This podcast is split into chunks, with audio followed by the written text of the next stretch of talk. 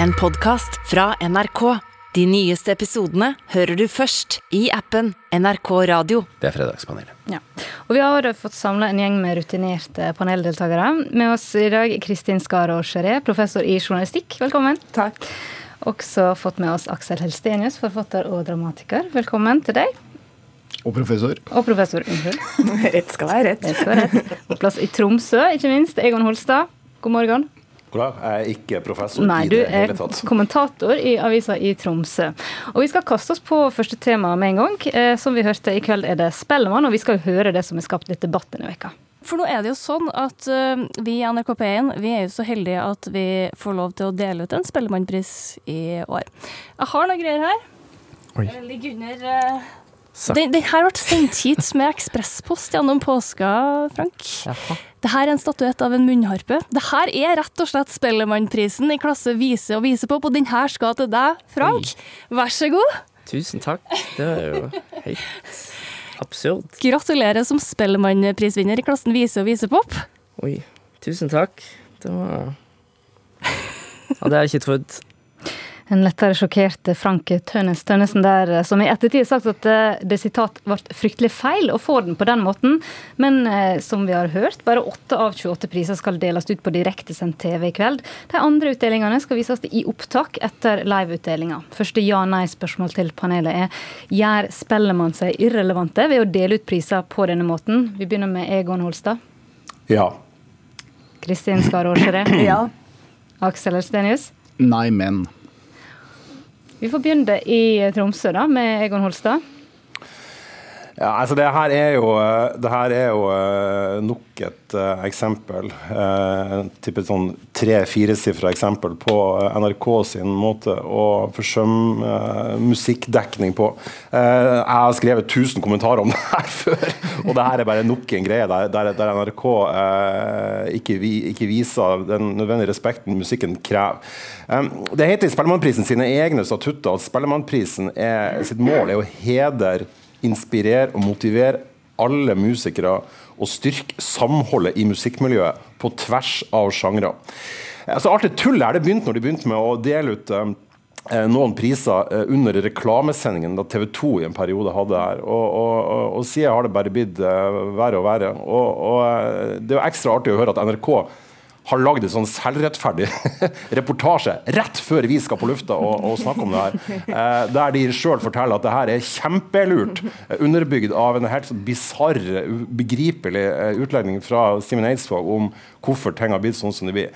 Det her er, det en devaluering av Spellemannprisen sin, sin opprinnelige betydning, og den gjør at jeg for første gang i mitt liv kjenner at jeg savner synet av Knut Borge i smoking. Aksel Elstenius, du sa nei. Ja, altså jeg sa nei, men. For at uh, Spellemannsprisen er en kjempeviktig pris. Musikkbransjen er den største altså feltet i kulturfeltet, så vidt jeg vet. Så, og det Egon akkurat snakket om nå, liksom, er, hvorfor har vi uh, Spellemannspris? Jo, bl.a. for å samle feltet. Og da mener jeg, Nå sitter vi jo her i media, vi sitter med professorer i journalistikk og media, en sånn svær gruppe her. Hva er det egentlig media gjør når de gjør dette her? De gjør det motsatte av det man skal gjøre. Jeg har en bror som, og det kan jeg røpe her, har vunnet en pris. ja, Min bror Henrik Helsenius vant Tonos komponistpris. Gratulerer, Henrik. Gratulerer. Ja, og det har jeg fått lov til å si. Dette er sjekket grundig opp. Så her er det ikke noen som bare drar en pris frem eller noen Nei, ikke sant, for dette kan man da. Så dette kan jeg nå si på, men det er klart at dette burde Henrik få vite i Spektrum sammen med alle nominerte. At man sitter der og man drikker vin og man holder på om Det tar altså syv timer. Det spiller ingen rolle. Nå er alt dette her dytta inn for å bli en media Altså spiselig for, for media, og det er feil. Det bør man ikke gjøre. Man bør ikke ha TV der til stede i det hele tatt. Man bør gjøre det for bransjen. Og så skulle man jo tro, da, etter to år med nedstengning og pandemi, hvor vi har feiret eh, 40-, og 50- og 60-årsdager i Zoom og på videolink og bryllup, og det er ikke så gøy, eh, at man da ikke vil hedre litt ekstra både prisvinnerne, de nominerte, og ikke minst det at man kan møtes i store mengder igjen og sitte der litt sånn spent og nydusja og, og være en del av en spenning og et fellesskap. Vi hørte jo skuffelsen eh, til Frank Tønne som, som ble overrasket på en ikke-positiv måte. Eh, nei, det syns jeg eh, egentlig er enig i at det devaluerer eh, både kultur- og, og, musikklivet. Og så blir det jo også Det er ikke så vanskelig å se at her blir det et A- og, og B-lag. Ikke til forkleinelse for eh, programmet Musikk og trafikk. Det er sikkert et, et eh, flott program, men det blir jo ikke helt det samme å få en pris på sparket der. Det er en ganske morsom greie at De har til og med skylda på pandemien som en av grunnene til at de måtte splitte her opp i, i, og gni det utover tre dager. Og det er, jo, det, er jo, eh, det er, jo, omvendt logikk. Så jeg tror bare vi skal frykte hva, hva neste år blir å, å skje når det kommer til prisutdeling. Vi kan kanskje få til og med Oscar utdelt på faks hvis vi skal følge NRK sine statutter. Jeg tror bare rådet må være ring oss før dere begynner å legge opp dette her neste, neste år. Det er i hvert fall mye meninger, men vi må over på neste tema. I går så var det 50 år siden homofili ble avkriminalisert i Norge. Statsminister Jonas Gahr Støre sa i den anledning unnskyld på vegne av den norske regjeringa for hvordan homofile var blitt behandla. Og Derfor så vil jeg i dag, på vegne av den norske regjeringen, si unnskyld for at skeive personer ble kriminalisert og straffeforfulgt av norske myndigheter. Jeg sier unnskyld på vegne av det norske fellesskapet. Og eh, ja-nei-spørsmålet i den anledning er har det noen verdi at en regjering sier unnskyld for noe de sjøl ikke er ansvarlige for? Kristin Aarsrud? Ja. Aksel? Ja. Og Egon Holstad? Uh, ja, men spørsmålet her er jo helt fullstendig eh, feil. det har vi ikke lov å klare på. Spørsmålet, spørsmålet, er jo helt idiotisk. Uh, um, det, det, altså, det, blir særlig idiotisk når vi hørte her hva, hva Støre sa. Han beklager på vegne av det norske fellesskapet, ikke på vegne av regjeringa. Uh, og, og, det er selvfølgelig superbra at, at det skjedd og det har en enorm verdi. For, ikke minst fordi det, det har ramma. Og jeg syns det er jævlig bra at, at, Støre på vegne av det norske fellesskapet beklager at man har kriminalisert kjærlighet mellom, eh, mellom mennesker. Eh, som er helt sånn absurd. Og, og, jeg som er født i, i 1971, hvis jeg hadde vært homofil, så hadde jeg vært født kriminell. Og Det er en sånn, en sånn unfun fact som jeg har uh, stussa over i, i, store deler av mitt voksne liv. For det, det er altså så uh, surrealistisk å tenke på at vi har hatt det der i Norge i, i, i min egen levetid. Så det at Støre gjør det her, og regjeringa gjør det her, er av vanvittig stor betydning. Og det, det er altså folk som har vært straffeforfulgt. Han nevnte vel at det var 119 menn som ble straffeforfulgt for å ha utøvd kjærlighet mellom andre menn. Eh, vi har jo også tilfeller der, der, homofile menn i Norge har blitt kastrert eh, som følge av sin seksuelle legning. Og i tillegg så har man da hatt en, en, en, den, den, paragrafen her har ført til at, at, folk har levd i skam i, og fått ødelagt livene sine. Det har splitta familier osv. Eh, og I tillegg så synes jeg det er viktig det man sier med at det er fellesskapet. at Hver og en av oss har også et ansvar. Media har et stort ansvar for hvordan det her har vært, uh, vært uh, praktisert. Familiemedlemmer har, et, har, hatt et ansvar for hvordan de har støttet sine egne familiemedlemmer. Og ikke minst religiøse trossamfunn og politiske uh, krefter har, har vært sterkt delaktig i at homofile og skeive i Norge har levd mm. uverdige liv som, som de mm. ikke burde vært. Prøve å høre fra eh, Kristin eh, Skarårsere her. Det er jo ikke slik at de ikke kunne ha beklaga tidligere? Jo, det kunne de naturligvis, men vi får si i dette tilfellet var det sent, men godt. Og vi vet jo at ord er veldig viktige, og all forskning på forsoning og, og sannhetskommisjonsarbeid og slikt viser jo at eh, unnskyldninger har en helt reell verdi. Og selv om det har gått for lang tid, og at kanskje mange av de det angikk ikke er her lenger, så er det symbolsk veldig viktig, og, og mange retter seg i ryggen eh, når man får en ektefølt unnskyldning. Eh, og så er det, som det ble nevnt, Megon sier altså var bare kanskje 119 personer. Det var jo fryktelig fordi det angikk. Men hvor mange mennesker som har lidd under denne homofiliparagrafen, med skam og utrygghet og den utbredelsen av eh, grusomme sider pga. denne hatske, hatske paragrafen, uh, det kan vi jo bare forestille oss. Og så tenker jeg at vi får bruke da denne unnskyldningen.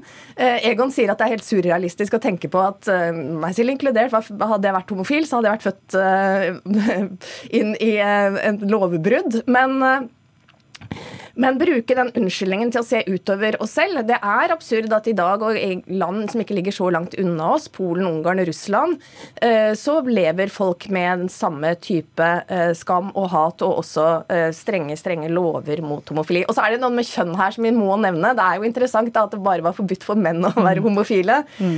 Det er jo interessant akkurat som kvinner ikke hadde noen seksualitet å snakke om. Samtidig er det jo kvinner som kanskje har gått aller mest i bresjen her. Da nevne Kim Friele da, på en mm. dag som denne. Mm. Stenius?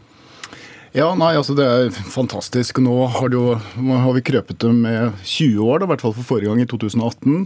Så var det jo da tyske jenter, barn av NS-medlemmer og litt sånn absurdum norske sjøfolk internert i Afrika. det har vi vel kanskje glemt om. Men de fikk også en unnskyldning. vet ikke, Det var definitivt ingen gjenlevende norske sjøfolk som hadde vært internert i Afrika, som fikk med seg den unnskyldningen. Veldig veldig få tyske jenter, om noen, dessverre. Jeg har jobba med det, så jeg, hun som jeg jobbet mest med, var dessverre død. Men det er da i hvert fall 12 000 barn av tyskerjenter og barn av, uh, av NS-medlemmer som fikk med seg denne unnskyldningen. Og som Guri Hjeltnes sa den gangen, en god unnskyldning er ekstremt viktig. Det kan lege sår, det kan hjelpe. Og de folka som sitter nå og har fått denne unnskyldningen, ja, altså Barna da, av, av, de som har kriminalisert, familiene. Ja, Kjempeviktig. Men det vi kanskje bør begynne å snakke om, hvorfor er det så vanskelig å si unnskyld? Jeg er jo syklist, og jeg, altså jeg, ser jo liksom folk som sykler helt sinnssykt i trafikken. Jeg skal ikke snakke om de der tohjulingene med elektrisitet. De sykler helt gærent, og så gjør de noe feil, og så jeg, påpeker jeg det. Tror du de kan si unnskyld? Nei. Det tar 70 år. Jeg, jeg, tror, jeg tror noe, noe, som er ganske vesentlig å, å minne på med, i, i den saken, her, det er jo også at vi er jo overhodet ikke kommet i mål her. Um, og kanskje Særlig derfor er det viktig at, at norske myndigheter går ut og, og, og beklager og de har vært eh, delaktige i, i denne påføringa av skam mot, mot, mot skeive. Sånn det er ingen norske fotballspillere som har stått frem som homofil ennå, f.eks. Eh, og, og, det er fortsatt masse diskriminering mot skeive homofile. Sånn vi har en lang vei å gå ennå, og der, derfor blir også den unnskyldninga her mm. ekstra viktig. Veldig viktig poeng. Vi må bare legge til at eh, forskning viser jo også at livskvaliteten til homofile fremdeles i dag er lavere enn til streite. Så det er fremdeles en vei å gå. Absolutt. Vi må over på siste tema. Eh, casual gaming på mobilen. Det viser seg nemlig at gutter og menn i alderen 16 til 24 år bruker opptil fire ganger så mye tid på dataspill som jevnaldra jenter. Kanskje ikke så veldig overraskende, men rundt 45-årsalderen så skjer det noe. Kvinner tar over som såkalte casual gamers. Spill som Candy Crush og Heyday har tatt over som mange sitt foretrukne tidsfordriv. Spørsmål. Mange barn og unge får kritikk for å kaste vekk tida si på gaming og mobil, men er det noe mer høgverdig når voksne gjør det? Aksel? Ja, det kan man vel ikke si. Nei da, altså. Egon? Nei. Nei. Kristin? Kristin, vil du starte?